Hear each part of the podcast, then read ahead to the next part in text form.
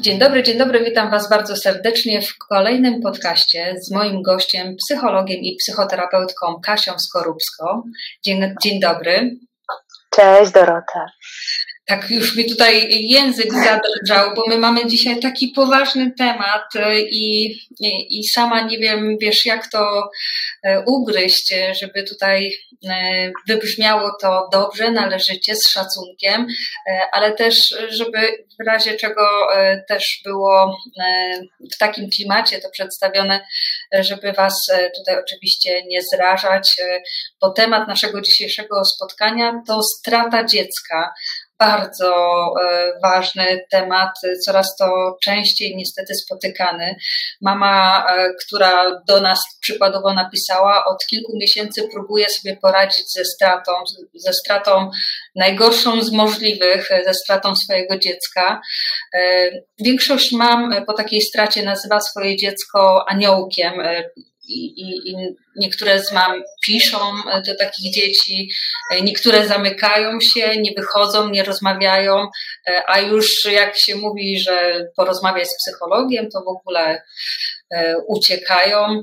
E, ja zapytam tak, jak pytam zawsze swoich rozmówców, e, czy u ciebie też była strata dziecka? Też doświadczyłaś tego? Jak, jak to było u ciebie? Mm, tak, tak. Też jestem mamą e, po dwóch stratach e, i jestem jednocześnie też mamą jeszcze dwójki tęczowych dzieci. Tęczowych, czyli takich, które przyszły po, po burzy na, na świat, czyli przyszły po stracie na świat.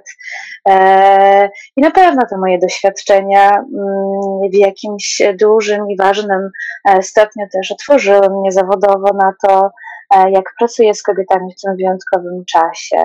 Mm, ale to nie, nie te doświadczenia były bezpośrednią przyczyną, one mi się tak pojawiły wraz z moją pracą okołoporodową. No właśnie, jesteś założycielką Wrocławskiego Psychologicznego Pogotowia Okołoporodowego. Prowadzisz e, szkolenia dla specjalistów okołoporodowych i psychologów w obszarze wspierania w kryzysach położniczych. E, wielkie Twoje zaangażowanie też widać i w badaniach, i w tematach e, zdrowia psychicznego w ciąży i po porodzie, e, a na co dzień współpracujesz blisko z Fundacją Medycyny Prenatalnej imienia Ernesta Wójcickiego i tam no, na co dzień dosłownie rozmawiasz z kobietami, które są po stracie. Kobiety często po poronieniu mają takie wielkie poczucie winy, prawda? Jak, jak można w ogóle wyeliminować, czy można w ogóle wyeliminować takie poczucie winy? Mhm. Znaczy kilka, o kilku rzeczach od razu pomyślałam. Pierwsze to, że te straty są bardzo różne. To nie tylko poronienia, to są też te momenty, kiedy e, dzieci przychodzą na świat e, za wcześnie, ale, ale jednocześnie jest to już bardzo późny etap, etap ciąży. Są to też sytuacje, kiedy widzimy dwie kreski na teście, ale bardzo szybko okazuje się, że niestety ciąża się nie rozwija, czyli tak zwane ciąże biochemiczne. Te straty mogą być bardzo różne i też bardzo ważne dla mnie jest, żeby podkreślić, że one wszystkie mogą być i mają prawo mieć y, status ciąży, y, status utraconego dziecka, e, bo to jest ważne, jaka jest nasza opowieść o tym doświadczeniu. Jeżeli ktoś tak to przeżywa, to ma pełne prawo do tego i mamy prawo przeżywać żałobę po tym. E, I tak, poczucie winy jest jedną z takich emocji, mhm. Mm, która pojawia się bardzo często. No, rzeczywiście po, po doświadczeniu straty jest to bardzo naturalna reakcja. Mamy do niej pełne prawo, ale jednocześnie bardzo znowu chcę podkreślić to, że to nie jest E, wina kobiety. To nie jest kwestia jej. E, często kobiety, kiedy, kiedy mierzą się z tym wątkiem poczucia winy, z, mierzą się ze stratą, E, zadają sobie to pytanie, dlaczego nas to spotkało, i na pewnym etapie zaczynają próbować sobie jakoś na to odpowiedzieć. Bo pojechałam do złego szpitala, bo może powinnam zareagować na to kłucie w, w, w lewym boku, bo może powinnam, e, nie wiem, zrobić jakieś badania wcześniej. Przeróżne, przeróżne e, te odpowiedzi są. E, I no ja bym chciała powiedzieć, że wyeliminować poczucie winy to się nie da. Natomiast można z tym poczuciem winy znaczy dyskutować w jakiś sposób, bo to poczucie winy pojawia się w odpowiedzi na to takie nasze ogromne załamanie poczucia bezpieczeństwa. Bo kiedy dzieje się coś tak trudnego, e, to zazwyczaj przywraca nasz świat do góry nogami. E, doświadczamy tego, że, że no coś, co miało być dobre, co miało trwać wiele, co miało trwać całe życie, skończyło się bardzo szybko, za szybko. No i to powoduje, że takie nasze myślenie o świecie jako miejscu, które ma jakieś swoje zasady, jakąś przewidywalność, ja jakoś mogę być sprawcza i wpływać na to, co mi się przytrafia, no to upada, to się załamuje. I my w odpowiedzi jakby na, taki, na takie doświadczenie, utraty tej sprawczości, um, no zaczynamy szukać tego, jak jak ja sobie mogę z tym poradzić, i zaczynamy właśnie szukać tego, co ja mogłam zrobić inaczej. I się pojawiają te różne jakieś takie potencjalne odpowiedzi, które najczęściej nie mają nic wspólnego z rzeczywistością. Mhm. E, e, e, no a z, a z, tego szukania odpowiedzi narodzi się to poczucie, poczucie winy. Więc bardzo ważne jest jakby zobaczenie, tak myślę sobie tego i tak zawsze, zresztą pracujemy w gabinecie nad jakby takim zatrzymaniem tego poczucia winy, obejrzeniem, obejrzeniem go. Ja zawsze bardzo mocno mówię, że to nie jest twoja, pani wina, um, i, i, ale jednocześnie no, nie eliminujemy go, bo, no bo ono jest, y, to, to poczucie winy jest naturalnym elementem, często naturalnym elementem procesu żałoby, bo żałoba y, no, nie jest emocją, nie jest stanem, y, żałoba jest procesem. To jest tak jak z budowaniem domu. Zazwyczaj i raczej większość domów klasycznie się nie buduje od dachu, no tylko raczej najpierw przygotowujemy grunt, e, wylewamy fundamenty tak dalej, tak dalej. Ten dom powstaje konkretnymi etapami, żeby powstała, nie wiem, że powstało drugie piętro, no raczej najpierw musi powstać pierwsze, żeby powstało pierwsze, raczej musi najpierw powstać parter i tak dalej. Tak samo jest z żałobą. Trzeba przejść przez pewne etapy, które mogą być bardzo różne e, i różnie mogą się manifestować ale jeden prowadzi do drugiego i jedna rzecz pozwala, pozwala przejść dalej, a na samym końcu tego procesu żałoby zazwyczaj jest um, no nie cofnięcie czasu, no, ale pewnego rodzaju akceptacja tego, co się wydarzyło i ułożenie tej swojej historii o stracie jako części swoich w ogóle różnych historii doświadczeń. Dobrze to powiedziałaś, że to jest ten czas akceptacji, który nie budujemy od dachu. E, obrazowo to tak fajnie można e, zapamiętać, bo jednak trzeba mhm. dużo czasu na to, żeby ta akceptacja e, była wybudowana. A mhm. może nam w tym ktoś pomóc, czy na przykład osoby bliskie w jakiś sposób mogą pomóc i udzielić kobiecie mm, tej pomocy? Jeśli tak, to jak? Mhm. Jasne, pewnie, że tak. Y, y, znaczy tak, strata jest zawsze pewnego rodzaju kryzysem. E, I kryzys zawsze ma to do siebie, że my mm, będziemy zawsze czuć się w jakiś sposób osamotnieni w nim i będziemy z zadziwieniem e, doświadczać tego, że mój świat e, przestał się kręcić, a a inni dalej normalnie funkcjonują, chodzą do pracy, jak to jest możliwe. No? Ten świat się kręci, kiedy mój stanął w miejscu. Mm, więc ta samotność jest zawsze jakimś takim elementem doświadczania straty, e, które, które jest pewnego rodzaju kryzysem. Mm, natomiast to, jak my przejdziemy przez tę żałobę, będzie w dużym stopniu zależeć od tego, mm, jak, czy ktoś będzie obok nas szedł, bo to nie chodzi teraz o to, żeby ktoś zabrał od, od nas ten ciężar straty, ale zawsze ktoś może pomóc właśnie nam go nieść. I to mogą być właśnie bliscy. E, bliscy, którzy mm, no właśnie, oni nie są w stanie zlikwidować tego i nasze jakieś oczekiwanie, że, że, że, że oni mogliby to zmienić, to będzie zawsze, zawsze powodowało cierpienie. No?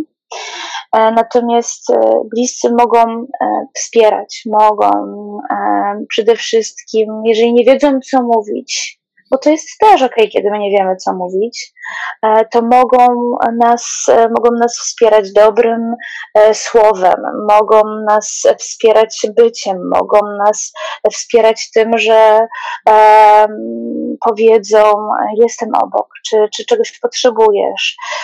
Bo te historie o tym, co pomaga, są bardzo różne. Są kobiety, które opowiadają o tym, że bardzo ważne dla nich było to, że dla, dla, dla nich, w sensie dla pary rodzicielskiej, która straciła, że co wieczór był u nich ktoś znajomy i razem coś robili. To im pozwalało jakoś odrywać myśli. Inne osoby znowu potrzebują, żeby zostać, e, e, tylko w tej parze, żeby, żeby mieć taką przestrzeń tylko dla siebie i żeby to w, w tej diadzie sobie przeżywać. I inne osoby, no nie wiem, bardzo dobrze wspominały to, jak dostawały taką opiekę w formie nie tylko, że ktoś przyniósł obiad chociażby trudne. Natomiast słuchajcie, może tak, jeżeli słucha nas ktoś, czy będzie nas słuchał ktoś, kto ma wokół siebie taką osobę, mhm. Mm, to e, słuchajcie, nie bójcie się zapytać o ten temat. Nie bójcie się zapytać, o co ta osoba przeżywa. Nie, nie bójcie się zapytać o dziecko.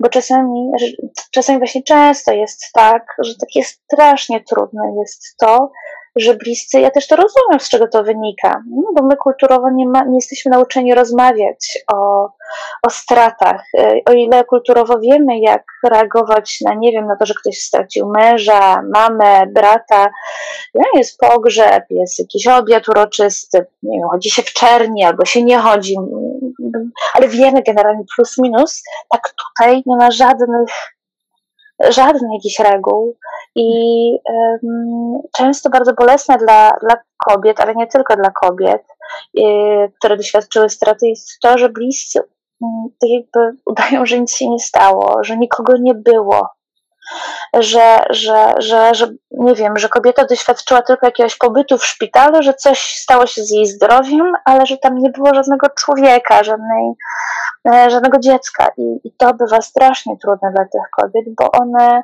no one realnie doświadczają utraty dziecka i tak jak my, kiedy tracimy kogoś, możemy chcieć no po prostu pamiętać o nim, rozmawiać o nim, e, żegnać się z nim, opowiadać o nim, tak samo te kobiety mogą mieć taką potrzebę. E, I e, jeśli mamy w sobie taką przestrzeń, żeby, żeby posłuchać takiej opowieści, no to to może być bardzo cenne. Nie? Zapytać po prostu. Często tej mhm. przestrzeni nie ma. Mało tego, tak. pojawia się strata dziecka i e, jeszcze e, oddala się partner, e, a już nie mówiąc o tym, bo wspomniałaś, co to będzie, jak bliscy będą obok ciebie szli, ale ten partner może nawet nie iść obok. Z jakimi emocjami w ogóle mierzy się ojciec utraconego dziecka? Wiesz co, no, może się mierzyć z bardzo różnymi emocjami. Na pewno jest tak trochę, że, że um, często te, ten rytm żałoby u mężczyzny i kobiety jest odrobinę inny. No po prostu jest różnych ludzi, różny rytm żałoby. A to jest to, co często um, ja słyszę, to jest to, że um, mężczyzna częściej idzie, oczywiście to nie jest żadna reguła, Mm, natomiast, no nie wiem, jakoś no ja w swoim doświadczeniu częściej słyszę na taką historię mężczyźnie, który idzie w takie um, w pracę, idzie w jakąś taką sprawczość, idzie w takie opiekowanie się, powiedzmy, e, swoją żoną czy partnerką, załatwienie różnych spraw, e, może odreagowywanie w jakimś sporcie bardziej mam wrażenie, częściej ten mężczyzna jakby w tej stracie odnajduje się jako podpora dla żony czy partnerki, mhm. a mniej um, um, opowiada o tym, jak to on przeżywa tę stratę swojego dziecka.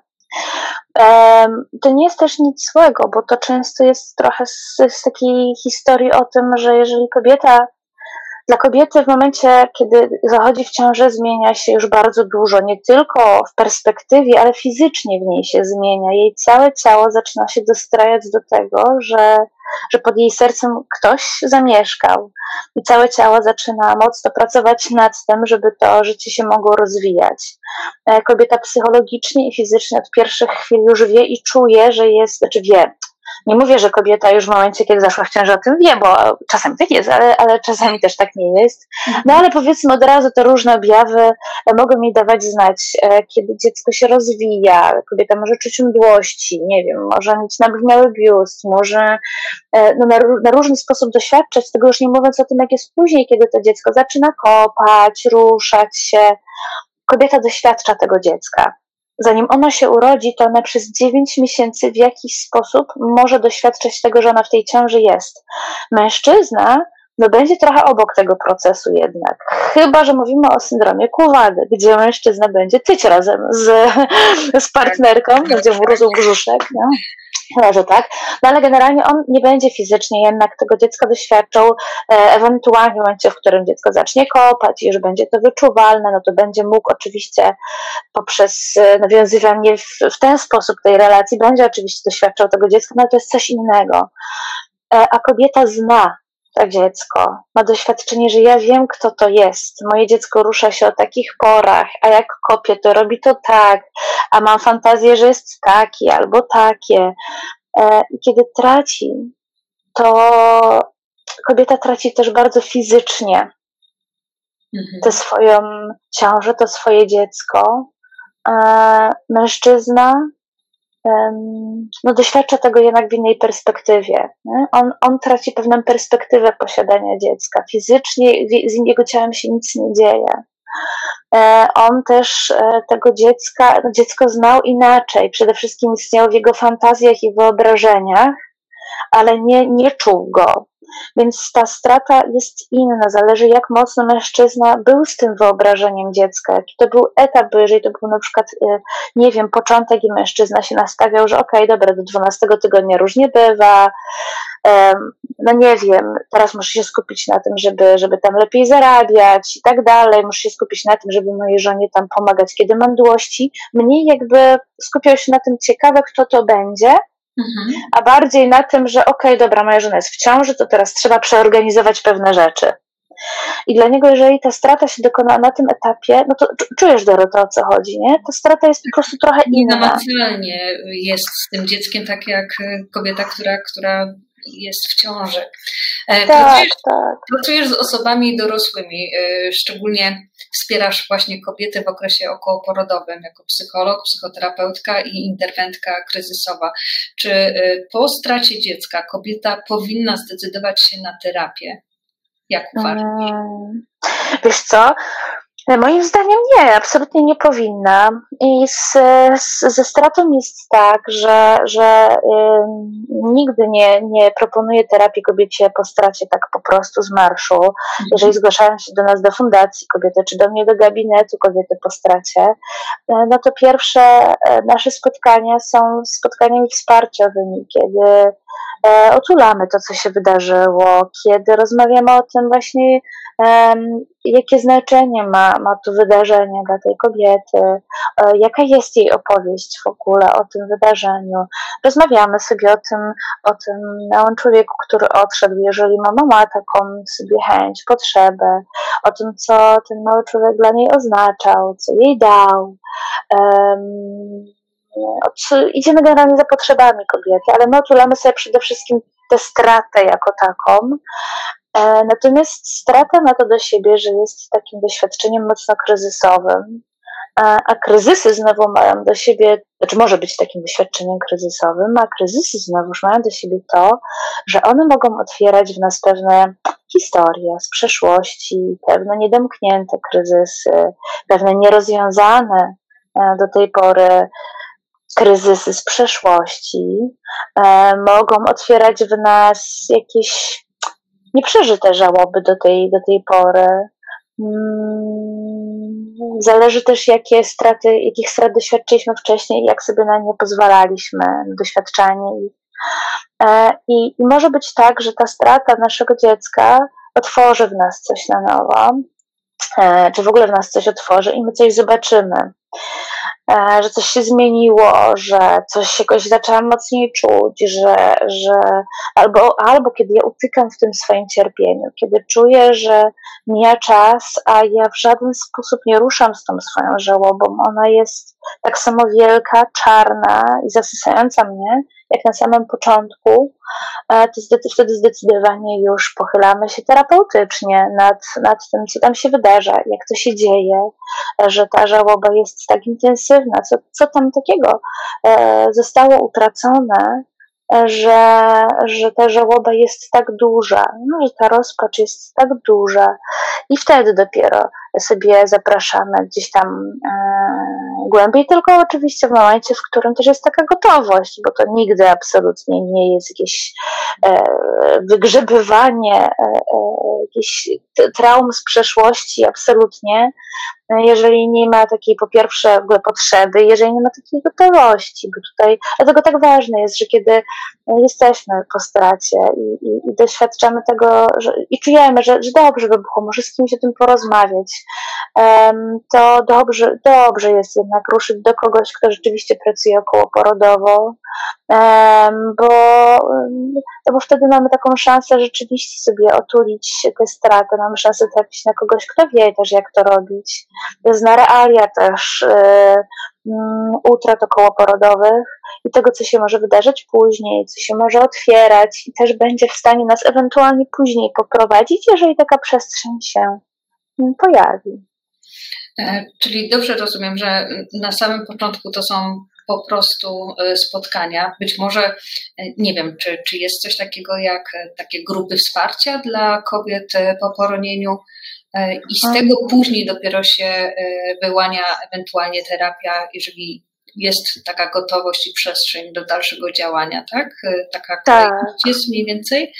Tak, a dokładnie. Partner tu się pojawia gdzieś na tych spotkaniach, czy, czy Bardzo różnie, bardzo różnie. Wiesz co, nie, to jest bardzo fajne pytanie, bo to jest bardzo, bardzo różne idziemy zazwyczaj tutaj za potrzebą kobiety.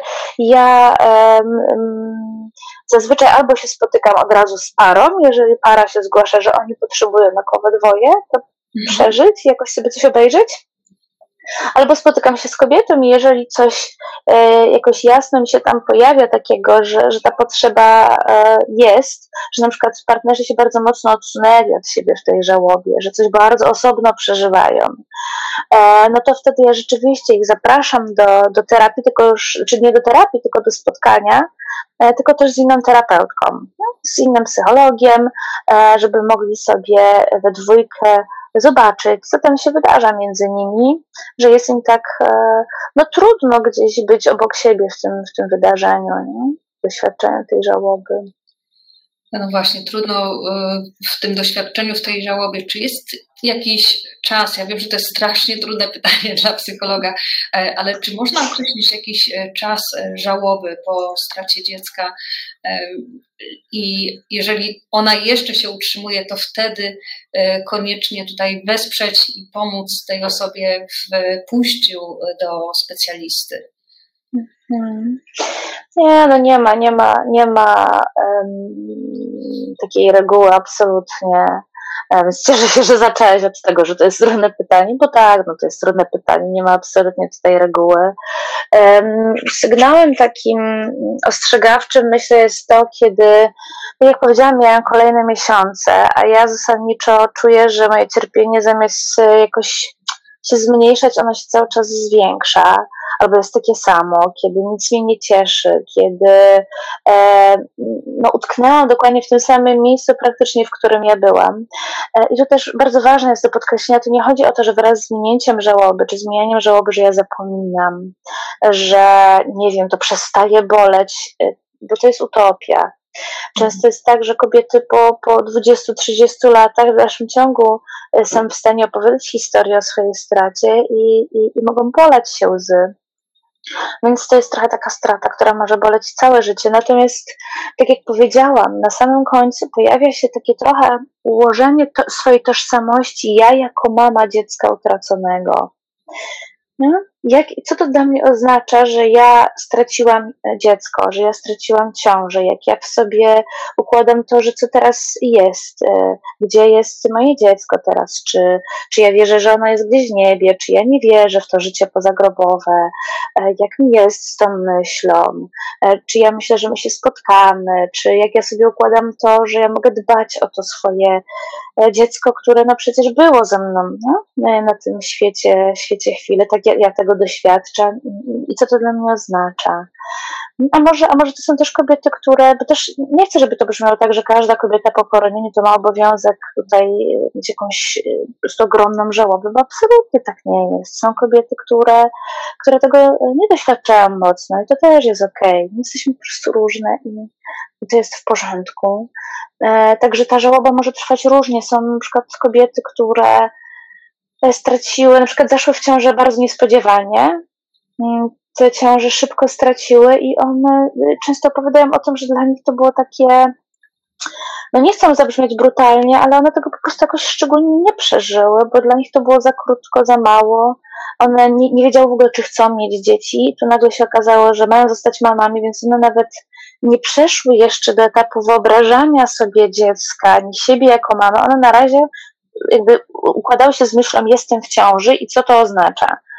I, i już tą ciążę straciły i, i one nawet no nie, nie czują, żeby miały po kim mieć żałobę, bo one jeszcze nie zaczęły doświadczać tego, że ktoś tam rośnie. Nie? I to też jest ok, dlatego te żałoby mogą być, mogą być no, różne, po prostu. Natomiast Słuchajcie, jeżeli dzieje się tak, że coś Was niepokoi, jeżeli Wasze cierpienie czujecie, że jest jakieś takie intensywne, że potrzebujecie porozmawiać, słuchajcie, śmiało idźcie. Jeżeli zobaczcie, czy to jest dla Was ok. No my w fundacji też udzielamy bezpłatnego wsparcia, więc można, możecie zawsze zobaczyć, czy to jest dla Was. E, na pewno nie będzie tak, że ktoś Was na siłę będzie trzymał w tym wspieraniu, w tym jakimś procesie. Mm, a warto zobaczyć, nie? jeżeli coś Was niepokoi, jeżeli czujecie, że potrzebujecie tego wsparcia, to po prostu warto po nie sięgnąć. Nie? Jak nie boli ząb, to idę do dentysty. Tak samo jak tutaj jest, jest jakieś cierpienie, tylko z innej strony, to tak samo myślę sobie, że, że warto się tym zaopiekować. Nie? Zaopiekować koniecznie. Bo są też osoby, które zaraz po stracie dziecka, e, jeżeli jest taka możliwość, e, to e, z jednej strony szybko chcą mieć dziecko, a z drugiej strony są osoby, które mają potężny strach przed następną ciążą. Takie osoby też pojawiają się w Twoim gabinecie? I tak, tak, tak, tak. I ja bardzo w ogóle tak mocno sobie, sobie jakoś Lubię, inaczej powiem tak, lubię pracę z e, mamami, które właśnie przymierzają się do tęczowej ciąży, czy są w tęczowej ciąży, bo mam poczucie, że one są w bardzo szczególnego rodzaju ciąży i to wsparcie rzeczywiście może być u nich na, na wagę złota. Um, no, zobacz, no, generalnie jest tak, że, że ja rozumiem taką szybką potrzebę też zajścia w ciąży, no bo kto lubi cierpieć? Mhm.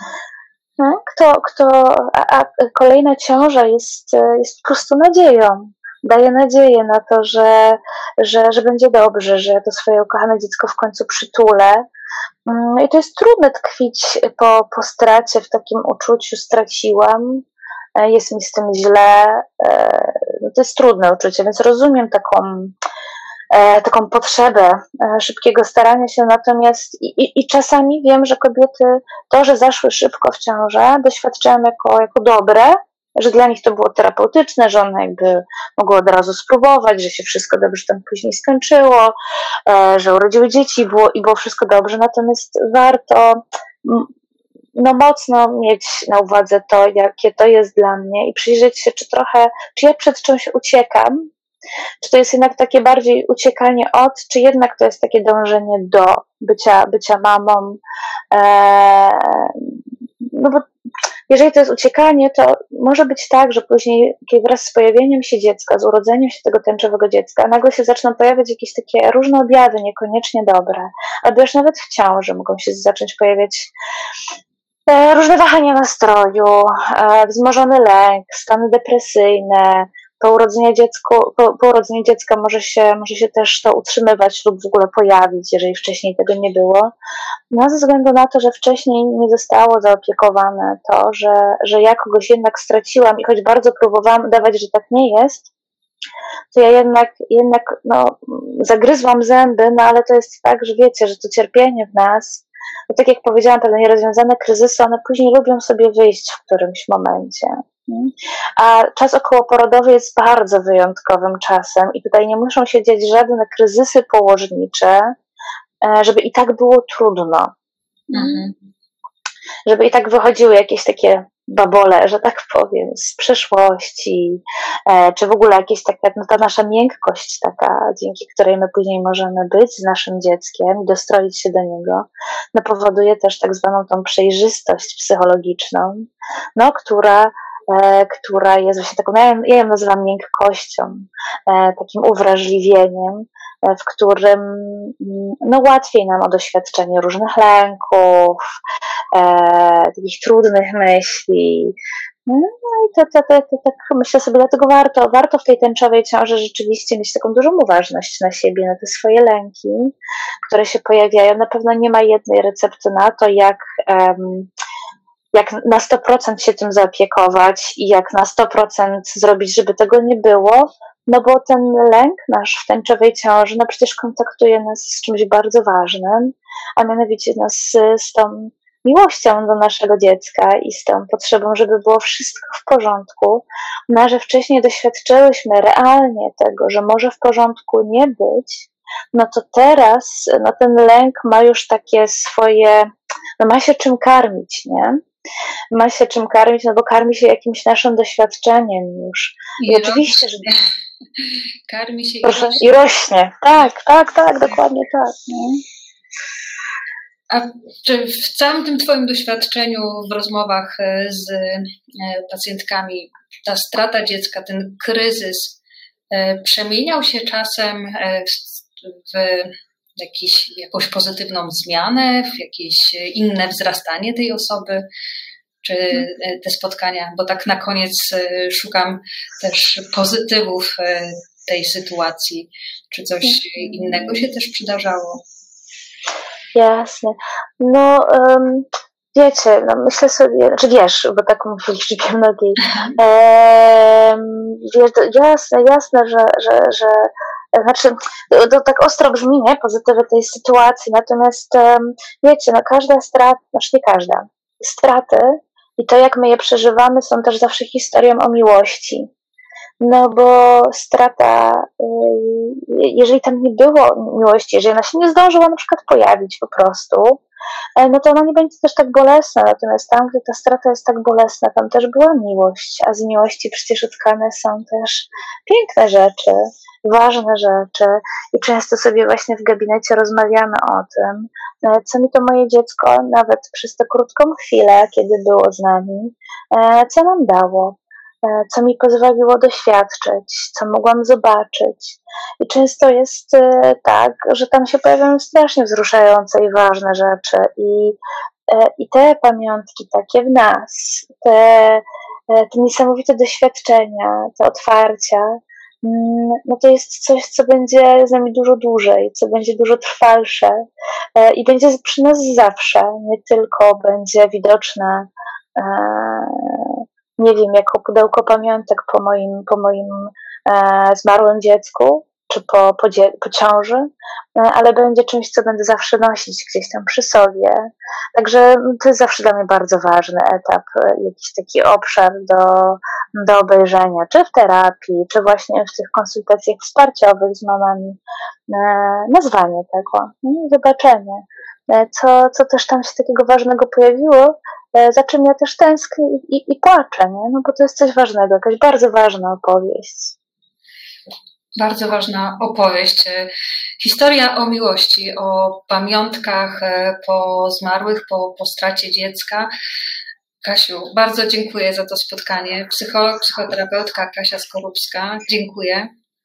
Też Ci dziękuję, mi bardzo miło. Ja się strasznie cieszę, że mogłyśmy sobie otulić taki trudny temat, a który jednak dotyka no według różnych statystyk, co nawet czwartą ciążę, co piątą ciążę, e, no także dużo z nas, dużo z nas ma tę historię.